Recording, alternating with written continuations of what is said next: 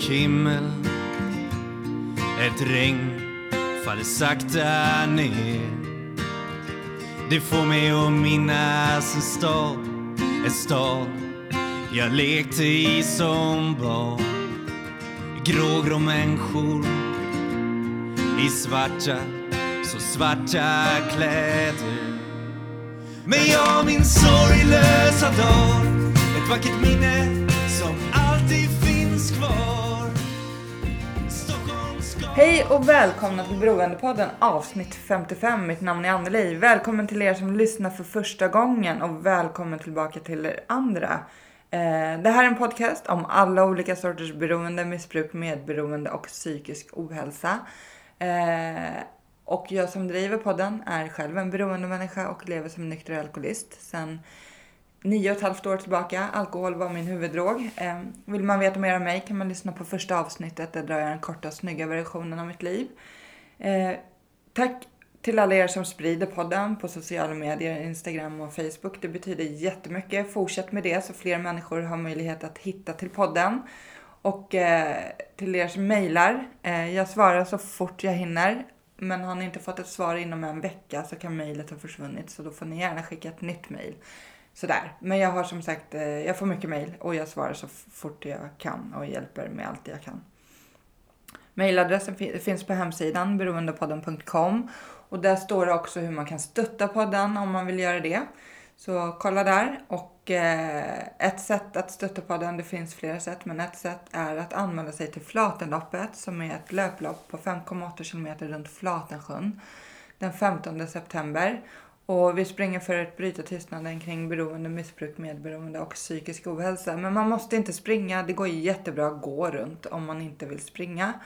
Och vill man inte ens gå, men man vill vara där och stötta podden och Flatanloppet så får du jättegärna komma och vara funktionär. Mejla mig om du skulle vilja vara funktionär. Så fixar vi det. Och det är kul det med.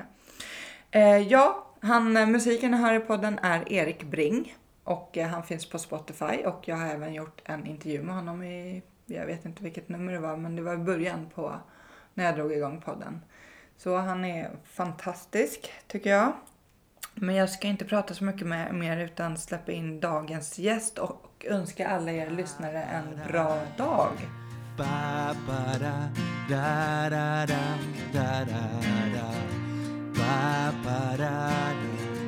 ba Ba da da Ba ba da da da da da da En dyster Idag har jag med mig artisten och författaren Mikaela Urbom som nyligen har släppt sin bok Om jag ba- bara vore lite smalare. Hej, hej och välkommen hit. Vi börjar med att sätta telefonen på ljudlös. Det kan vara en bra idé. Det, det, det är inte första gången det händer. Så. Ja, nej men välkommen hit. Tack. Och som sagt, du har ju precis släppt din bok Ja. som handlar om dig och eh, din anorexia och ortorexia som du har haft. Mm. Eh, och jag tänkte att du ska få börja med att eh, berätta eh, Ja. lite om dig själv som barn. Vart du kommer ifrån. Jo, men jag kommer från, eh, från Södermalm. Jag är uppvuxen där. Eh, och eh, under min... Eh, jag har alltid hållit på med musik och det har liksom varit en av mina största passioner. Sen, och sen från att jag var nio år så började jag åka konståkning också. Eh, och det var mycket det sen som gjorde att jag, att jag, inte konståkningen i sig som gjorde att jag blev sjuk, men jag fick en, en tvarinfektion som gjorde att jag fick sluta ganska tvärt med konståkningen. Eh, och det bidrog till en ganska stor identitetskris för mig. Hur gammal var du då? Då var jag 15, Ja. eh, tror jag. Och du hade hållit på med konståkning på daglig basis då eller? Ja, eh, ofta, alltså flera pass om dagen. Både morgon, på, trän- på eftermiddagen och sen eh, på lunchen ibland. Så det var liksom väldigt intensivt. Man hade alla sina kompisar där, man var alltid i ishallen. Så att eh, det var ju liksom ja, hela ens identitet i princip. Så att när jag fick den här tvarinfektionen och var tvungen att vara borta ganska länge så, så blev det ja, jag blev väldigt förvirrad. Och sen var jag ju dessutom i tonåren, man är ju förvirrad redan liksom. Så att eh, då kände jag på något sätt att jag fick som en identitetskris och att jag inte visste vem jag var, vilket ledde till massor och massor av ångest som sen jag ville skulle synas på utsidan. Så att jag valde att börja svälta mig själv för jag kände att det var ingen som riktigt förstod att jag mådde dåligt och jag kunde inte riktigt sätta ord på det själv heller. Mm. Så då var det lättare att få det att, eh, att synas på, på utsidan och sådär. Eh, så det var egentligen så det började. Ehm, sen så Men så du liksom bestämde, du minns att du liksom bestämde att du skulle börja svälta dig eller? Ja, precis. Det blev lite så att jag, att jag började ju träna som en galning för att det var ju också det enda som jag hade gjort ett helt liv. Jag hade tränat. Så att eh, jag fortsatte med det sen när jag började må bättre och då mm, fick jag väl liksom så lite blodad tand också för att eh, gå ner i vikt och för att visa att ja, men jag vill att folk ska se att jag, att jag mår dåligt. Så jag använde det som ett redskap också. Mm. Och hur gjorde du då, då när du skulle gå ner i vikt? Alltså, då, det var väl egentligen så här standard, träna mer, ät mindre sådär. Eh, Jag vill inte ge några så tips på hur man Nej, gör det kanske egentligen. Eh, utan det är ju bara sådär att, ehm, ja, jag åt väldigt lite liksom. Eh, och det gick ju ganska snabbt. Jag hade väldigt mycket muskler eh, eftersom att jag hade tränat så länge. Så att det, min förbränning var väldigt hög så det gick väldigt fort. Så att min mamma upptäckte väl det där efter några månader bara. Eh, och då sökte vi väl till då hittade hon mig i sängen en morgon och jag kunde liksom inte riktigt komma upp för att jag var så svag. Eh, och då kände hon att nu måste jag panikringa till liksom någon eh, som kan hjälpa. Så hon hörde av sig till först till Stockholms centrum för ätstörningar men de hade då tre månaders väntetid minst. Eh, och det hade liksom inte gått riktigt. Eh, så att då fick vi höra av oss till ett annat ställe som jag väljer att inte nämna vid namn för att jag inte är så nöjd med det stället. Ehm, och där jobbade man inte med den här psykologiska problematiken överhuvudtaget. Men där handlade det bara om att så här, komma tillbaka till ätandet. Man liksom bara tänkte att ja, men det handlar om ett, om ett beteende rent eh, fysiologiskt. Att om du kommer upp till normalvikt igen så kommer du liksom inte ha de här tankarna och den här ångesten. Till viss del så, så är det mycket som försvinner när man kommer tillbaka till att börja äta igen. Men det tar ju inte bort anledningen till att du började svälta dig från början ifall det finns en, en psykologisk problematik i det. Så att för mig funkade det där inte alls. Eh, jag var även liksom på en, då var jag på en dagvård då. Och då var jag tillsammans med väldigt många andra människor som var i väldigt många olika skick. Eh, både värre eller lite bättre än vad jag var liksom. Så att man fick ju man fick nästan som, ja, men, som lite tips på hur man kunde göra av de som hade kommit längre in i sjukdomen. Så att det blev eh, nästan tvärtom för mig. Att jag, jag började liksom hamna mer i den här anorektiska identiteten och liksom in i ett beteende och hur man... Att det blev som en identitet, som jag, det som jag hade saknat egentligen. Men det, när man är sjuk i anorexia så är det väl väldigt svårt. Man ser inte sig själv som... Nej, alltså jag skulle säga den här bilden av att man, att man ser sig själv. Det finns ju en sån här klassisk bild att man ser en tjock person i spegeln och så ser man en, eh, men egentligen så är man jättesmal.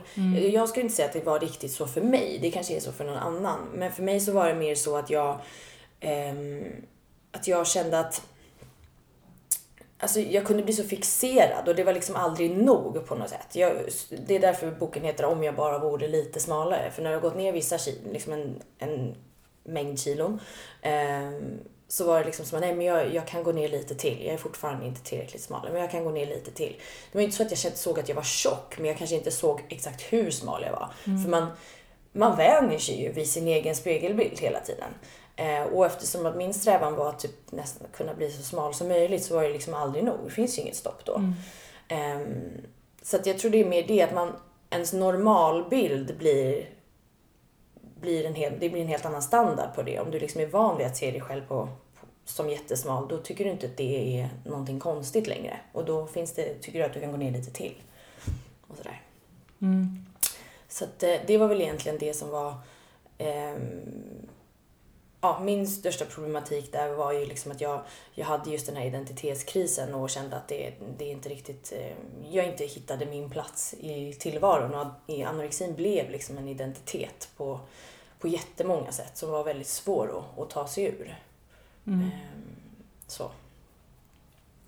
Men sen efter, när jag hade varit på det första behandlingsstället där, där, jag, där man bara jobbade med liksom själva ätandet och beteendet och sådär så så, ehm, så blev jag liksom bättre fysiskt för jag bestämde mig för att okej, okay, men jag vill bli utskriven härifrån. Eh, men jag hade ju inte alls någon annan målbild eller någon annan idealbild om hur jag ville vara. Utan jag hade fortfarande samma strävan att vara jättesmal och gå ner i vikt och sådär. Men jag såg till att jag, att jag blev så pass bra så att jag kunde bli utskriven. Um, men sen så precis innan utskrivningen så, så um, hade jag och mina behandlare en liten så här, ja, vi, det gick, vi kom inte helt överens. Man kan läsa om det i boken. Det, deras behandlingsmetoder funkade inte riktigt för mig. Jag tycker inte att de var acceptabla överhuvudtaget och även mina föräldrar tyckte inte det. Så att då bestämde vi oss för att avbryta den istället. Men då hade jag i alla fall blivit lite bättre. Så att då gick väl liksom hela den slutet av sommaren tror jag och så började jag gymnasiet och var väl så fast besluten om att ja, men, jag ska klara att hålla mig på en så här hyfsat sund nivå men fortfarande vara smal. Problemet var ju bara som, som jag sa innan att jag hade fortfarande den här idealbilden om att vara så smal som möjligt. Så att det där höll ju kanske en vecka liksom. Sen började jag igen minska med maten och sådär. Och jag kände väl att varje gång jag såg liksom de här kilorna rasa från vågen så fick jag ju som en kick av det. Mm. Eh, och det bidrar ju till att det bara fortsatte. Så det året när jag gick i gymnasiet och var 16 år, det var väl ett av de värsta åren. För då var jag inte i behandling överhuvudtaget. Men jag ja, hade väl helt, jag hade ju liksom en av mina värsta anorektiska perioder då, skulle jag säga. Var det några vänner som sa något eller var det lärare? Dina föräldrar såg väl? Ja, mina föräldrar såg Och de visste ju eftersom du hade fått hjälp innan. Men... Ja, och mamma var väl så hon försökte ju få mig till behandling. Det som blev problem då när jag hade haft en behandling som, som eh, var väldigt misslyckad, som inte hade fungerat alls. Det var ju att jag var väldigt så här, obstinat och inte alls ville ha behandling. För jag tyckte att så här, men så där kan vi det var ju skit liksom. Och då, mm. då drar, drar man alla över en kam och så säger man att ja, men, behandling är skit.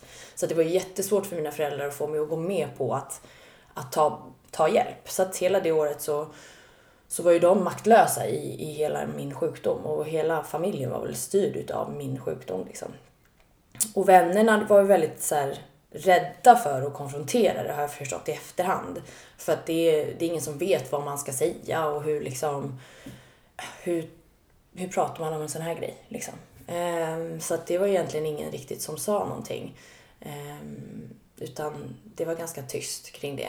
Vilket också gjorde att jag funderade på att, ja men vadå, då är jag säkert inte så smal. För vore jag det, då skulle ju alla säga någonting. Så att jag kan nog gå ner lite till utan att det är någon fara. Så det bygger ju bara på att, att tystnaden runt omkring det och att det är som tabu liksom. Men vad, vad, skulle du säga att man borde göra om man har en kompis eller att säga? För allt som jag förstår det kan ju bli fel. Mm. Alltså om du så här, kommenterar vikten mm. eller sådär. Men vad ska man göra om man är i närheten av en person som troligen har anorexia? Skulle du? Alltså jag skulle säga att det finns ju ingenting som är så fel som att inte säga någonting egentligen. Mm. Eh, så, sen kan saker bli fel. Vi är människor, sånt händer. Mm. Eh, men så här, små tips som, som jag har i alla fall, som, som jag i alla fall känner skulle ha fungerat på mig.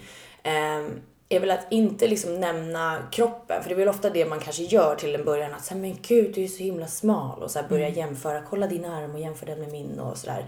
Gud du mår du bra liksom. Mm. Man förstår att Eh, personen bryr sig. Men problemet är bara att, att vara smal är liksom ingenting som är dåligt för en anorektiker för det mesta.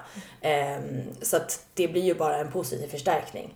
Man tycker att så här, yes, jag klarade det, typ.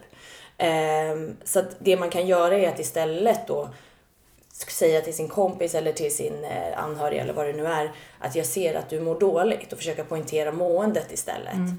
Eh, och också erbjuda hjälp till att söka hjälp till exempel. Att så här, men jag finns här för dig ifall du vill söka hjälp. Vi kan göra det tillsammans. Jag kan gå med dig för att så här kan du inte liksom fortsätta leva. Jag bryr mig om dig. Så att man försöker att ta det mer på den känslomässiga nivån än på liksom utseendet och sådär. Eh, det är väl mitt största tips i alla fall. Vad, är det man ska hålla utkik efter? Jag tänker så här eh, också liksom om Eh, hur var du eh, när du var med din omgivning? Hade du redan ätit när du träffade dem? Alltså mm. sa du att du hade ätit? Vad, vad finns det för tecken liksom? Jag försöker tänka hur det var precis i början sådär. Eh, Alltså för det mesta så var det så, om jag, om jag tänker på liksom, i början så åt jag ju liksom inte i skolan och då var det så här, men jag tycker att det är äckligt. Och det var väl i och för sig inte så här någon newsflash för mina... sant. Ja exakt. Det var ju inte så här något konstigt liksom. Jag har inte ätit i skolan någonsin tror jag. Alltså, så. Men det kanske var extremt nu att så här, men man smakade liksom ingenting, kanske åt en morot och sen så var det liksom ingenting mer med det. Och om kompisar gick och fikade, ja, men då drack man bara te istället för att ja, men någon gång kanske man hade druckit varm choklad förut eller alltså gjort någonting. Liksom. Att man alltid undviker just att äta i sociala sammanhang är ju ett ganska vanligt, eh, vanligt tecken. Sådär. Eh, att man alltid har ätit hos en kompis, om man är, är yngre kanske säger det hemma att så här, Nej, men jag har redan ätit mamma, jag vill inte ha liksom och sådär. Eh, och sen också det här jag minns typ när mina kompisar och jag vi skulle kolla på film på helgen eller något sånt där. Ja men då var alla kunde äta godis eller popcorn som en vanlig människa liksom. Men man själv satt där med någon jävla äppelbit liksom och så bara, nej men så ska det vara resten av livet. Eh, det är liksom inte ett normalt beteende. Eh, just den här rädslan för att, för att bli tjock av någonting som anses vara så onyttigt och jättefarligt. Eh, sen så så ser man ju också, man får väl vara uppmärksam på självklart, man kan ju se de här yttre liksom eh, fysiska grejerna såklart. Men om du märker att en person som aldrig har kanske tränat förut eller så helt plötsligt börjar träna som en galning, ja men då kanske man ska så fundera bara om man ser det tillsammans med alla de här andra eh, ja men om en person inte äter och sen börjar träna jättemycket, ja det är ett ganska tydligt tecken.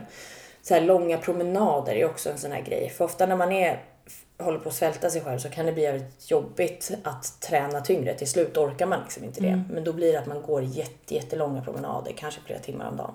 Eh, och sådär. Eh, Ja, du skriver ju om det i boken, hur du gick i snödrivor för Ja. att eh, bränna ännu mer. Ja. Liksom. Alltså det blev, det blev egentligen, och det här är sån här ganska tydligt exempel på så konstiga tankefällor man kan få när man är i svält. Man blir liksom lite dum i huvudet.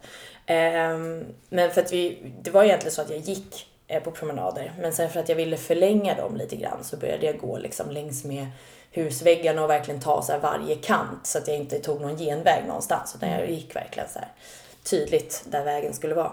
Eh, men sen på, på vintern då så hade de ju skottat upp snö vid kanterna. Och där brukade ju jag gå. Så började jag säga, fan hur ska jag göra nu liksom? För jag fick ju jättemycket ångest av att om inte jag kan gå där, alltså då går jag några steg färre per liksom, meter och då, då blir det jobbigt liksom. Så då gick jag upp i snödrivorna och så gick jag i dem.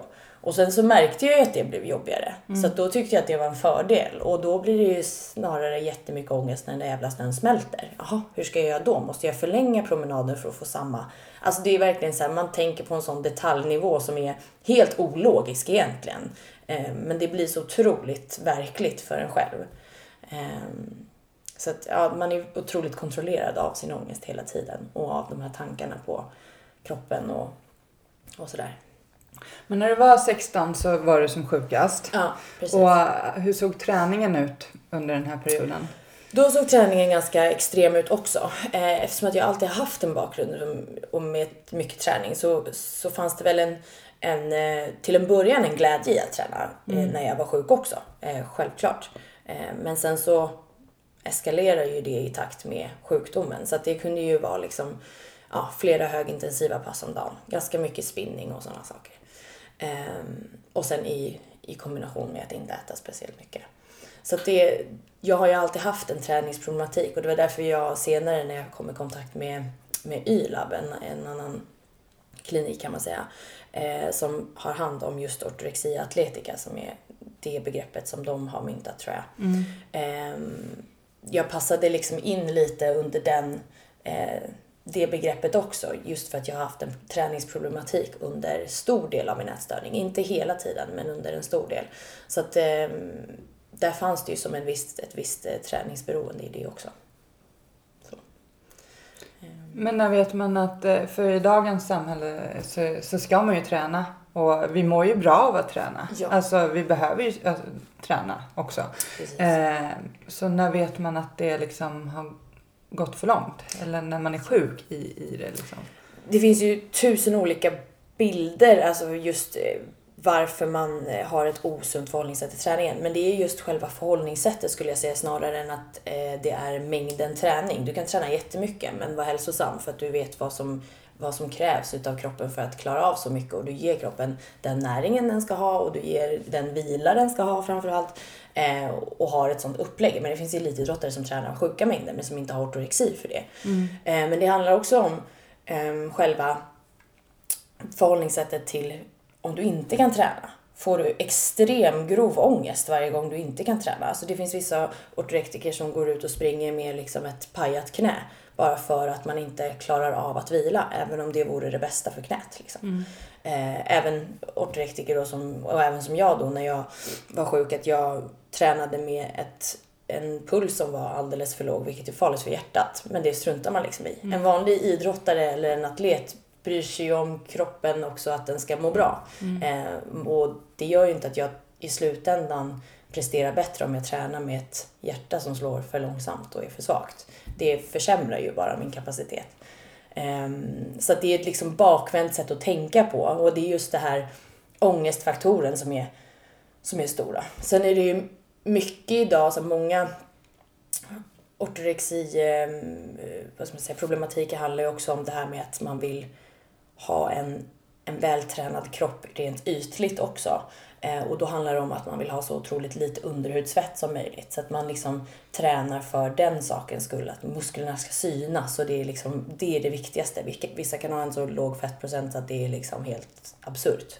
Eh, och då får man ju samma fysiska men som en anorektiker. Men man ser fortfarande hälsosam ut. Exakt. Du, ser, Så. ja, du får ju ofta väldigt mycket komplimanger. Och, Mm. och den resan just med liksom träning och så är ju också en belastning på kroppen samtidigt. Jag Mm. menar det är ju det är jätte, jättefarligt.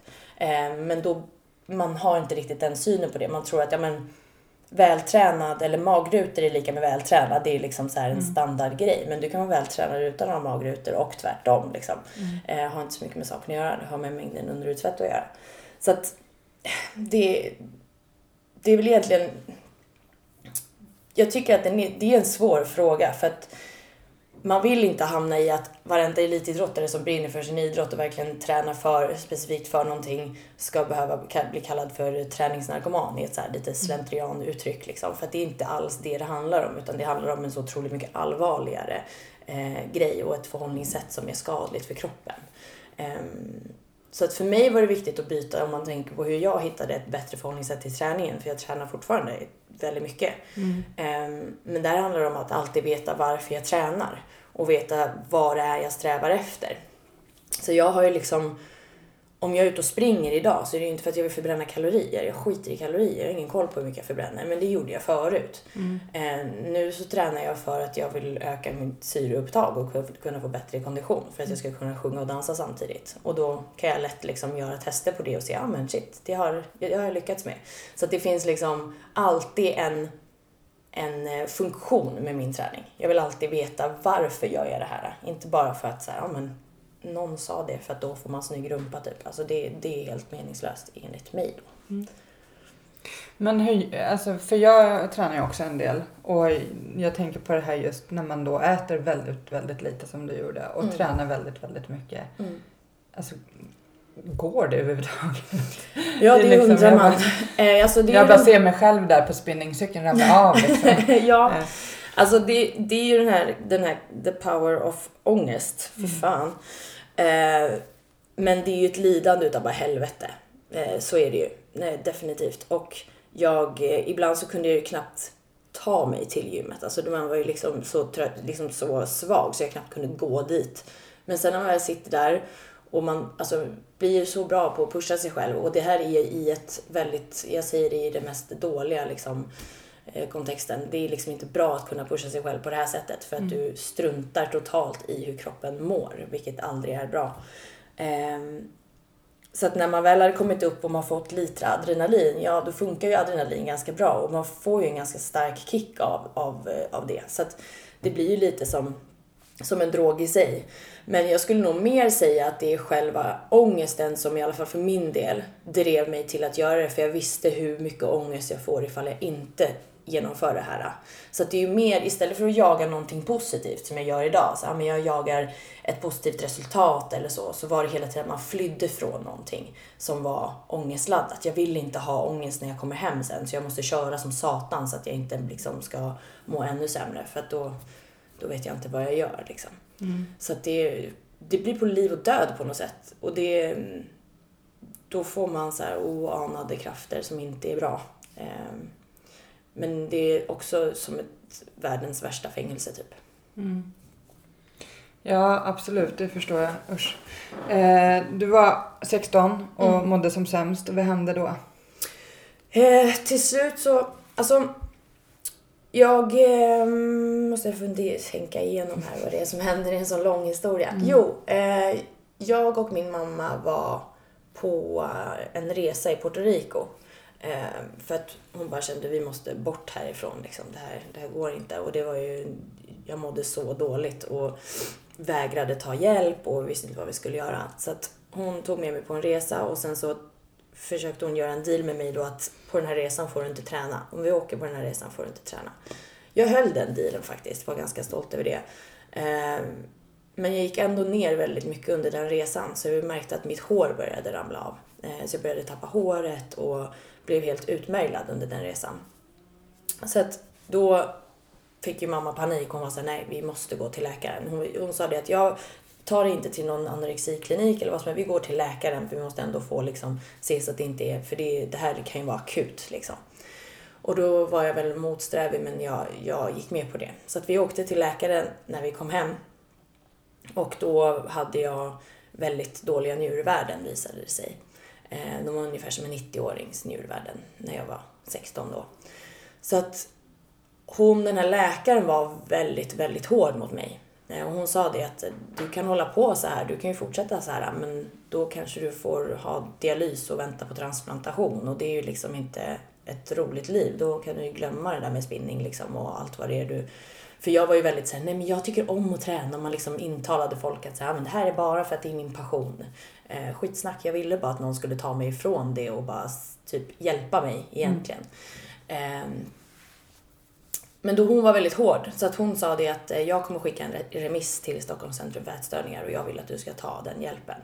Eh, och jag kände det var första gången någon så här verkligen förstod mig men inte så här daltade och var så här, nej men gud och blä, utan hon var så här, nu skärper du dig, eh, punkt liksom för att du kommer dö annars. Så att det gjorde att jag ändå gick med på det, men jag var så här väldigt motsträvig fortfarande och jag sa att jag vill verkligen bara ha psykologisk hjälp. Det var det som jag så här poängterade hela tiden, för det var det jag inte hade fått på mitt första behandlingsställe. Så jag var väldigt noga med att Eh, säga att nej, men jag vill ha en psykolog i så fall, för jag, liksom, jag vill få reda på varför jag mår så här dåligt psykiskt, så får det fysiska lösa sig sen. Det var väl någon slags så här tanke om att jag kunde skjuta upp och ta tag i det fysiska också. Um, men jag fick komma till Stockholms centrum för ätstörningar då. Ehm, men så tog det liksom ett litet tag innan jag kom in i... Men man måste hitta rätt behandlare, man måste hitta rätt form liksom av behandling för varje patient. Så, så det, det tog ett tag innan vi hittade rätt. Så jag hamnade en vända på, på sjukhus där när, när SE var stängt över typ påsk eller något sånt där. Och jag hade liksom inte riktigt fått min plats än, vad jag exakt hur min behandling skulle se ut. Ehm, så då, då hamnade jag på sjukhus en helg för att mitt hjärta började slå så jättesakta. Så då var det väl på en, pulsen var på 36 eller något sånt där tror jag. Eh, och då var väl också så här, jag fick sitta i rullstol, fick inte liksom gå någonstans. Eh, det var svårt att andas på nätterna. Det var som att jag åkte berg och dalbana, jag visste inte vad taket och vad som var golvet. Allting var bara liksom som att sväva i rymden typ. Och då var det liksom en sån här liten wake-up call när jag faktiskt blev rädd på riktigt. Att säga okej, jag håller typ på att dö eh, och jag sitter i en rullstol. Har jag liksom inte uppnått det där? Har jag inte visat folk att jag mår dåligt tillräckligt nu? Är det inte liksom dags att börja må bra igen? Eh, sen så gick det inte så lätt att bara vända det sådär, men det var ändå en viktig, en viktig del för mig att, att själv inse att ja, men nu måste jag nog börja ta tag i det. Så då började jag behandlingen på Stockholms centrum för ätstörningar ordentligt efter det. Så det var egentligen så det såg ut. Ehm, När kom eh, sången in i... i... Ja, just det. Eh, då hade jag gått på, när jag hade gått på SCA i i ett, inte riktigt ett år, men kanske i några månader, åtta månader eller något sånt där. Um, då hade jag haft två, jag hade två psykologer, den lyxen att få ha det, eh, som, eh, som behandlade mig och hjälpte mig. Eh, man ville egentligen att jag skulle bo på någon sån här vårdlägenhet tillsammans med mina föräldrar så att jag kunde få hjälp hela tiden. Eh, men jag var ju sådär, jag vägrade det helt enkelt. Eh, så att då fick vi komma till en sån här kompromisslösning eftersom att jag bodde fem minuter därifrån. Så jag tyckte att jag kan väl lika gärna bo hemma hos mig själv då. Eh, och mamma jobbade hemma så hon kunde se till att vara hemma och ta hand om mig. Ehm, så då fick vi lösa det på det sättet. Men sen började jag liksom successivt bli lite bättre, stabilisera mig, inte liksom lika låg puls och sådär. Fortfarande väldigt sjuk och väldigt så jobbiga beteenden och alldeles för underviktig. Men eh, det blev ändå mindre livshotande så. Eh, och då var det så att jag fick eh, möjligheten egentligen att börja få jobba med musik. Jag fick ett skivkontrakt. Mm. Och i en, i en grupp då. Och det var väl så här en väldigt stor vändpunkt på många sätt. För att det som var tur med det, de som jobbade inom det projektet då. En av dem, så här, ska man säga, A&R som jobbade där. Han sa att ja, men, vi ser att du, inte, att du har ett problem så att du måste ta tag i det ifall du ska kunna göra det här bara så att du vet det. Och det var väldigt bra tycker jag. Eh, det var så väldigt tydligt. Eh, för att det hade lika gärna kunnat vara någon som sa men gud du är smal, fan vad bra. Typ. Mm. Eh, och då hade ju det bara liksom lett till att jag ville vidmakthålla min sjukdom. Men det blev snarare en motivation då att okej okay, om jag ska kunna få göra det här äh, och orka göra det här framförallt insåg jag ju sen. Eh, så måste jag börja prioritera andra saker. Eh, sen tog det lång tid att hitta en balans i det också. Men det var en väldigt, väldigt viktig grej för mig att liksom hitta tillbaka till det. Och sen blev det att det var något annat som fick ett större värde än att vara sjuk. Helt plötsligt så hade liksom min identitet som sångerska och artist blivit mycket viktigare än att ha en identitet som anorektiker. Det kändes ganska liksom så småningom avlägset. Jag var liksom ja, ville iväg från det. Men sen är det en sak att vilja iväg från det och sen är det en sak att ändra på alla beteenden och alla rädslor och, och sådär. Så det krävdes ju en massa arbete flera år efter för att det skulle bli så. Men jag tänker som sen när man blir offentlig person liksom. Mm. Att eh, eh, där blir man ju ofta väldigt dömd för ja. hur man ser ut. Mm. Och så. Hur har det funkat? Alltså, har, har, det blivit, eh, har du fått kommentarer och eh, hur är Alltså jag har fått väldigt lite kommentarer just vad det gäller så här, kroppsmässigt egentligen. Mm. Eh, vilket är eh, sjukt, men det är väl skönt men, eh, och, och, bra så. Men jag har fått mycket andra skitkommentarer istället så att jag menar, det är skit som skit.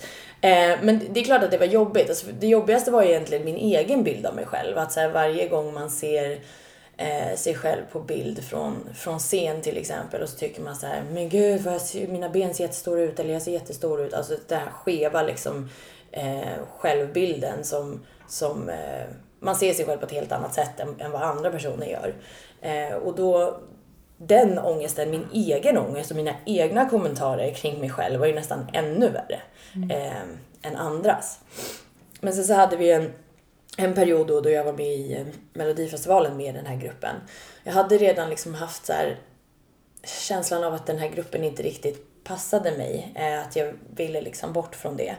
Um, för att jag hade under det halvåret innan då hade jag liksom börjat försöka att, eh, att gå upp i vikt. Och jag ville liksom inte att nu om vi skulle vara med i Melodifestivalen där så ville inte jag att folk skulle se mig när man verkligen är med i ett stort offentligt sammanhang. Ville inte jag ha kvar den här bilden av mig själv som anorektisk. För det skulle bli ännu svårare att lämna den identiteten då om alla har sett mig som jätte, jättesmal. Mm. Så då kände jag så här, men fan jag måste komma upp till en normalvikt eh, till det.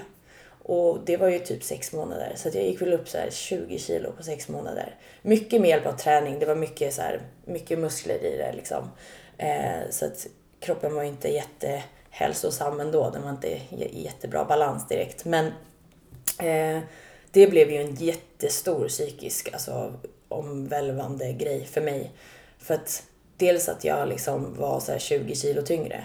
Eh, Och att behöva stå då på en scen i ganska jävligt tajta kläder och dansa, typ försöka ja, imagen var så här, vi skulle dansa sexigt liksom. Eh, Det, var, alltså, det fanns liksom ingenting det jag kunde relatera till överhuvudtaget. Eh, Jag kände mig mest bara som en stor klumpeduns.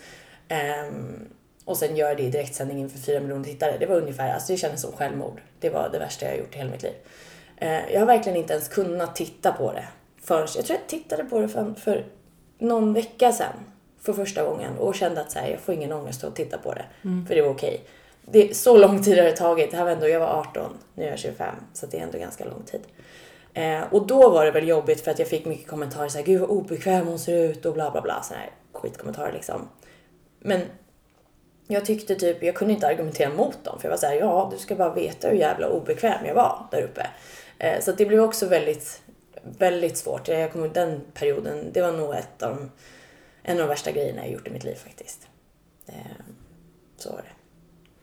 Men så du började din resa mot tillfrisknande när du kom i kontakt med musiken? Ja, det kan man säga. Absolut. Sen så slutade jag ju i den där gruppen efter Melodifestivalen. Jag hade liksom redan gått i de tankarna innan. Eh, men så blev beslutet ganska enkelt att ta efter. Eh, och sen så började jag då jobba liksom mot min egen resa, mot det jag ville med mitt artisteri och så. Eh, och det slutade med att jag började dansa dessutom på House of Shapes då. Eh, och då började jag bara ta så här typ gymdansklasserna, shapesklasser som de kallas. Som vem som helst kan ta. Eh, men tyckte att det var så här. Jag hittade en glädje i träningen för jag ville liksom inte sätta mig i spinningsadeln igen och jag ville liksom inte göra alla de där äh, sakerna som jag hade gjort under min sjukdomstid. Så jag började dansa väldigt mycket. Ehm, och till slut så, så ehm, sökte jag in till den danslinjen efter typ ett år eller något sånt där. Ehm, och då kom jag in i danslinjen där. Så helt plötsligt så bara hade jag ett sammanhang och skulle liksom hålla på med dans varenda dag eh, i tre år som sen blev fyra år, eh, fyra års utbildning. Eh, och det förändrade mitt sätt att se på både min kropp och på träning och ja, men allt egentligen. Eh, det var en jätte, jättestor del i att jag mår bra idag. För att dels så började jag förstå att jag kan inte hålla på som jag gjort innan för att jag hänger inte med i huvudet heller. Det var liksom inte bara kroppen utan om jag inte gav mig själv den energin jag behövde så hängde jag inte med på klasserna. Det är helt omöjligt. Eh, för det är ju så mycket både liksom, ja, huvudet måste koordinera och allt sånt där. Inte bara rent så här fysiskt så. Ehm, och sen så märkte jag när jag började ta hand om mig själv och när jag började liksom äta bättre och träna bättre och liksom, ja, vara mer balanserad så märkte jag också att det gick bättre. Eh, och min kropp började prestera bättre och sådär. Och jag fick även den feedbacken från mina mentorer och så. Vilket till slut gjorde att jag förstod att shit, jag gynnas verkligen av att vara på väg att bli frisk. Och då blev ju det någonting som var väldigt positivt. Ehm, och så. Och sen så fanns det ju många, liksom, eh, jag märkte att många av de sakerna som jag hade haft komplex över, typ mina ben som är ganska starka och muskulösa, eh, de hade jag haft jättekomplex över efter konståkningen och så. Eh, de var jättefördelaktiga i många eh, grejer i dansen liksom. Så att ehm, ja, det blev ju eh, också en så här positiv grej att jag kunde börja först acceptera att okej, men det, jag är som jag är och det, det funkar bra och sen till slut märka att så här, fan, det är asbra att vara som jag är. Eh, då får man ett annat värde på, på kroppen som inte handlar om utseendet utan det handlar om vad den kan göra och vad, vad den kan ta mig. Det, jag ska ju vara tacksam för det liksom. Eh, Så det var en jättestor del i att jag blev frisk. Så det tackar jag dem för. Men, eh, men du anser dig helt frisk i da- dagens läge? Ja, det gör jag. Det var lite därför jag, när jag fick frågan om att skriva den här boken, ehm, så tänkte jag så här, okej, men varför ska jag skriva den? Vad ska jag skriva om då? Det kan ju lätt bli liksom destruktivt och tråkigt, tänkte jag. Eh, men då, då valde jag just skriva den i den ingång, eller med den ingången att eh, det går att bli frisk. För det är någonting som jag har fått höra under nästan hela min sjukdomstid att du kommer alltid få leva med vissa delar av din sjukdom. Eh, och jag instämmer inte alls. Alltså inte alls, någonstans. Eh, och det var det jag tyckte var det viktigaste att poängtera i den här boken. För att det blir också väldigt svårt när man är på en resa och försöker bli frisk och man kanske är i behandling och människor sätter mycket krav på en där. Det är ett jobb att bli frisk. Eh, att göra det jobbet och gå igenom det helvetet som det kan vara. Och sen ändå få höra då att ja, men, du kommer ändå inte bli helt frisk. Jaha, vad fan ska jag gå igenom den här skiten för? Jag är hellre kvar. Alltså det är lite den, det är svårt att få motivation att vilja ta tag i en, en problematik ifall man inte kan bli frisk från den. Um, så att, ja, det, det tycker jag är väldigt viktigt att poängtera. Att man inte alltid kommer behöva ha sina beteenden och så. Och jag tror att det, det finns väl så olika anledningar till varför den uppfattningen finns. Men jag, jag tror att man ibland skriver ut personer som inte är helt friska. Eller jag vet det skulle jag vilja påstå för att jag har pratat med så otroligt många eh, som det har varit så för. Att man liksom blir friskförklarad för att du har nått i målvikt. Du klarar av att äta, liksom, du klarar av att ta ansvar för ditt ätande och du tar ansvar för att du inte tränar för mycket. Eh, men det är ju inte att vara frisk. Det är att så här, kontrollera sjukdomen. Det är jättebra steg, alltså absolut. Det är ju hur bra som helst för att man inte ska vara sjuk. Men det är ju inte ett liv om du hela tiden... Jag vet så många som är rädda för att träna för att man tror att man ska falla tillbaka. Och man, man är liksom, har fortfarande samma tankar om sig själv och man har samma idealbild vad det gäller att vara smal. Det finns ett värde i det och allt vad det är. Då har man ju liksom den största delen av sjukdomen är ju fortfarande kvar. Mm. Så det är ju den man måste bearbeta för att det verkligen ska för att man ska bli av med det. För är man av med det, jag har ingen, ingen strävan av att bli smal, jag har ingen strävan om att liksom eh, jag har ett större värde i att om, om jag är smal eller har lite underutsvett eller vad det nu kan vara. Då försvinner ju också motivationen till, varför skulle jag vilja svälta mig själv? Det är skitjobbigt. Det mm. finns liksom ingen motivation till det. Eh, och även så här, jag hade en, en period förra året då jag var sjuk och gick ner i vikt för att jag var sjuk. Då blev jag så här, åh herregud vad svag jag kände mig och ville gå upp i vikt. Och så insåg jag det själv, åh herregud, jag vill gå upp i vikt. Jag vill inte vara smal. Eh, för att det liksom lockar inte. Så inte ens den, den fysiska liksom, aspekten som man tror skulle kunna trigga att om man råkar gå ner i vikt så kan man fastna i det. Inte ens det eh, kunde påverka. För att jag har inte den målsättningen. Eh, så jag tror det är viktigt att man tar tag i varför man hamnade i sjukdomen. Sen kan ju det vara väldigt, se väldigt olika ut. Eh, rent så här, eh, problematiksmässigt varf, varför man vill bli smal eller varför man vill gå ner i vikt. Det behöver inte alltid vara utseenderelaterat överhuvudtaget eller så. Men det är just därför det är så himla viktigt att vården tar tag i att bearbeta varje fall och verkligen se till att de här grundläggande tankarna och känslorna och så som gjorde att man hamnade i problemet liksom bearbetas ordentligt så att man inte faller tillbaks. Mm. Men du känner inte att du blir påverkad liksom av sam jag tänker samhället vi lever i idag. Det är ju så väldigt mycket att alltså, som handlar om utseende mm. och träning och idag ska ju alla träna på elitnivå typ och mm. alla ska ju ha magrutor eller vara jättesmala mm. och äta bara sallad och vegetariskt och så. Liksom. Eh, men det handlar väl... Ja, alltså det, min känsla är ju direkt att du har byggt upp en väldigt bra självkänsla idag. Ja, alltså speciellt kring det här då eftersom att jag, är så här, jag har verkligen jobbat med mig själv mm. kring den här känslan kring min kropp och mm. kring liksom eh, allt det där. Så där skulle jag säga att jag kanske har ett bättre skydd än många andra mm. för att jag verkligen har så här, gått igenom det där in i minsta detalj. Liksom verkligen eh, bearbetat hela mig själv. Så. Sen är det klart att man blir påverkad av samhället. Jag blir påverkad av samhället på massa sätt. Men det kanske handlar om andra saker idag än, vad det, än att handla om kroppen just. Mm. Eh, men sen tror jag att också att jag har, i och med att jag har fått Alltså jag skulle säga verkligen lyxen att jobba med så två otroliga behandlare som jag också skriver om i boken. Som har jobbat med mig på, med just så här, psykoterapi och KBT och massa saker, att jag har lärt mig så mycket om mig själv. Så att mycket av det jag har lärt mig kring det här kan jag applicera på mycket annat. Mm. Eh, så att jag försöker fokusera på det som är viktigt i mitt liv eh, och det dit jag vill nå. Allt annat som kommer in och stör av att ja, men nu var magrutor viktigt och det var viktigt att vara, eh, vad fan vet jag, snygg eller ha eh, ett sånt där hår eller sån hy eller det, det det är ju sånt som bara tar mig längre ifrån det jag vill göra. Det är klart att sånt kommer in, det är så brus som man blir påverkad av. Men om man är medveten om det så kan man ju också lära sig att bara säga stopp. Liksom. Eh, se ett rött ljus framför och bara stopp. Okej, nu tänker jag på saker som liksom inte gynnar min väg mot det jag strävar efter. Så att jag tror medvetenheten gör att man också eh, inte påverkas lika mycket. Att man förstår att det inte är så viktigt.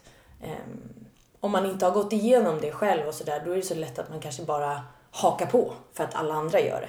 Eh, istället för att vara medveten om så här, vad, vad vill jag göra. Mm. Jag tror det är extra viktigt idag just att veta vad man själv vill göra och faktiskt våga göra det man själv vill och inte bara falla för grupptryck och så. Mm. Vad, som anhörig då, vad tänker du? Ja. Har du några tips till anhöriga? Ja, gud ja. Um, sen är det ju svårt, alltså som anhörig, herregud, det är ju du blir ju liksom sjuk tillsammans med, med den sjuka. Så är det ju. Mm. Jag och min mamma var ju liksom sjuka tillsammans kan man säga. Mm. Eh, vi var väldigt tajta sådär. Men som anhörig gäller väl lite det sådär om man, när man märker eh, en problematik då. Eh, man är väl kanske oftast först som anhörig och märker det. Eh, eller som bästa vän och sådär. Men, och det är lite samma sak där, att man, att man försöker eh, hjälpa personen att söka hjälp. Eh, det tror jag är en av de viktigaste grejerna. Att man verkligen, för den personen kommer dels inte vilja, men den kommer inte heller orka söka hjälp. Eh, kanske inte ens kunna ifall man är yngre. Det beror ju på vilken ålder man är i och sådär. Men sen också, jag tänker som anhörig behöver man ju också se till att man får ett stöd själv. För det blir ju så att hela ens vardag, speciellt då som en mamma, mm. eh, hela ens vardag kretsar kring sin sjuka dotter eller sin sjuka son. Liksom. Eh, så att där det finns ju massa sådana här grupper och forum och sådana saker på typ Frisk och Fri och, och sådär. Och man kan höra av sig till ja, Stockholms centrum för ätstörningar och sådär där man kan få tips och hjälp och kanske prata med andra. Det gjorde inte min mamma. Jag tror inte hon visste om att det fanns ens. Eh, men det tror jag att man faktiskt får väldigt mycket hjälp av att just känna att man inte är ensam. Eh, men sen så tror jag att som anhörig är väl egentligen det viktigaste att man, att man är där och att man inte ger sig heller. För att den här personen som vill, liksom, eh, vill vara sjuk kommer ju inte vilja bli frisk. Ehm, och det, det är jätteviktigt att man vill bli frisk själv för att kunna bli det. Men jag tror ibland att man måste få en liten knuff in i liksom att ens försöka. Eh, så man kan liksom inte bara gå och vänta på att den här personen själv ska bli frisk utan man, ibland får man ta i med hårdhandskarna också och, och försöka kanske introducera hjälp för dem och sen så får man se om de tar emot det. Eh, men det är svårt. Alltså det är verkligen jättesvårt för någonstans så kommer jobbet behöva göras av den, den sjuka personen. Såklart med massa hjälp men eh, eh, ja, att erbjuda att vara där hela tiden, att hjälpa till, att söka hjälp, att liksom eh, finnas som ett stöd. Det är egentligen det man kan göra. Mm. Eh, det andra är, är svårt. Och om man själv då är sjuk i, i anorexi eller ortorexi, vart, vart vänder man sig? Ja, eh, jag skulle säga ortorexi, om man har liksom en problematik som, som involverar mycket träning och sådär eh, och där, där eh, själva sjukdomen kretsar mycket kring att, att man får ångest om man inte tränar och, och sådär. Och häls, att den här hälsotrenden har tagit över.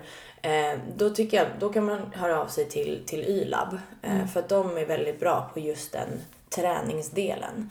Men har man också liksom mera typiska drag för en ätstörning, anorexi eller bulimi eller, eller den typen så bör man höra av sig till Stockholms centrum för ätstörningar eller någon annan ätstörnings enhet. Jag tror det finns Capio också. Jag har ingen aning om hur de är. Jag har inte haft kontakt med dem. Men eh, ta hjälp där det finns. Mm. Så, eh, absolut. Och sen kan man ju ha, man kan ju ha liksom dubbelproblematik och då får man väl se ifall man kan få hjälp från, från två håll. Det fick jag och det funkade för mig. Eh, är det något som du känner så här, att du vill ha med som vi har missat? Försöker tänka som du tycker är viktigt? Om du själv hade haft, varit sjuk i anorexi mm. när vi lyssnat på det här avsnittet. Ja. Om vi säger så. Nej men om de som, till alla de som är sjuka så är väl det viktigaste att säga tycker jag att det finns ett liv bakom anorexin eller efter eller hur man nu vill se på det. Eller efter sin ätstörning, inte bara anorexi utan vilken form som helst. Att det verkligen, verkligen finns ett normalt liv igen. För jag kände ofta att hur ska jag någonsin kunna gå tillbaka till det där liksom obrydda, sköna livet jag hade innan då man liksom inte tänkte på allt det här. Jag hade liksom inpräntat typ varenda kaloritabell i huvudet. Alltså det var liksom massa siffror som jag bara kunde utan till som jag inte kunde släppa. Jag bara såg hur många kalorier det var i saker om jag bara tittade på ett äpple eller på en chokladkaka eller vad det nu kunde vara. Eh, men det där försvinner. Alltså jag lovar, jag kommer inte ihåg ett skit. Mm. Eh, och det kommer inte heller ha någon betydelse heller.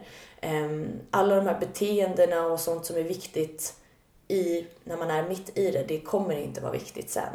Och det är verkligen så här, någonting som jag vill poängtera, att det, det går att komma tillbaka till ett helt friskt liv som det var innan du visste vad din ätstörning var för någonting. Eh, och det, det tror jag är viktigt att, att äh, få höra faktiskt. Mm. Tack så jättemycket att du kom Tack och delade med dig av din historia och all lycka till i framtiden. Och vart kan man hitta din bok om man vill köpa den? Ja, den kan man hitta i Akademibokhandeln och på adlibris.com eller på om jag bara vore lite smalare.com. Tack så mycket.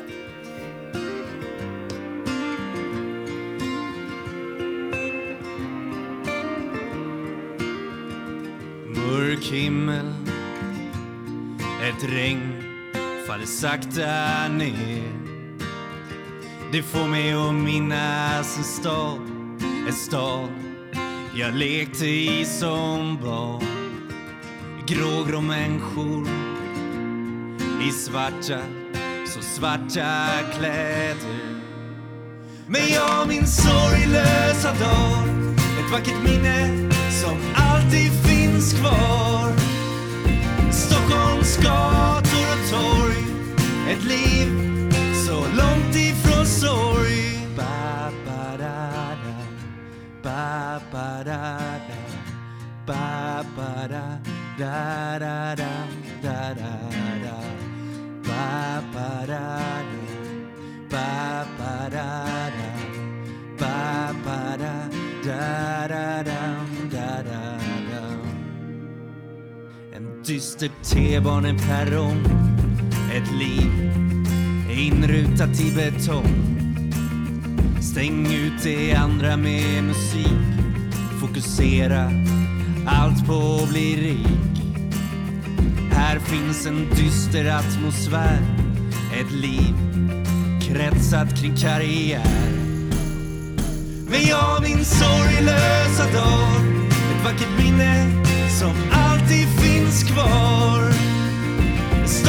Stockholms gator och torg Ett liv så långt ifrån sorg. Ba, ba, da, da. Ba, ba, da,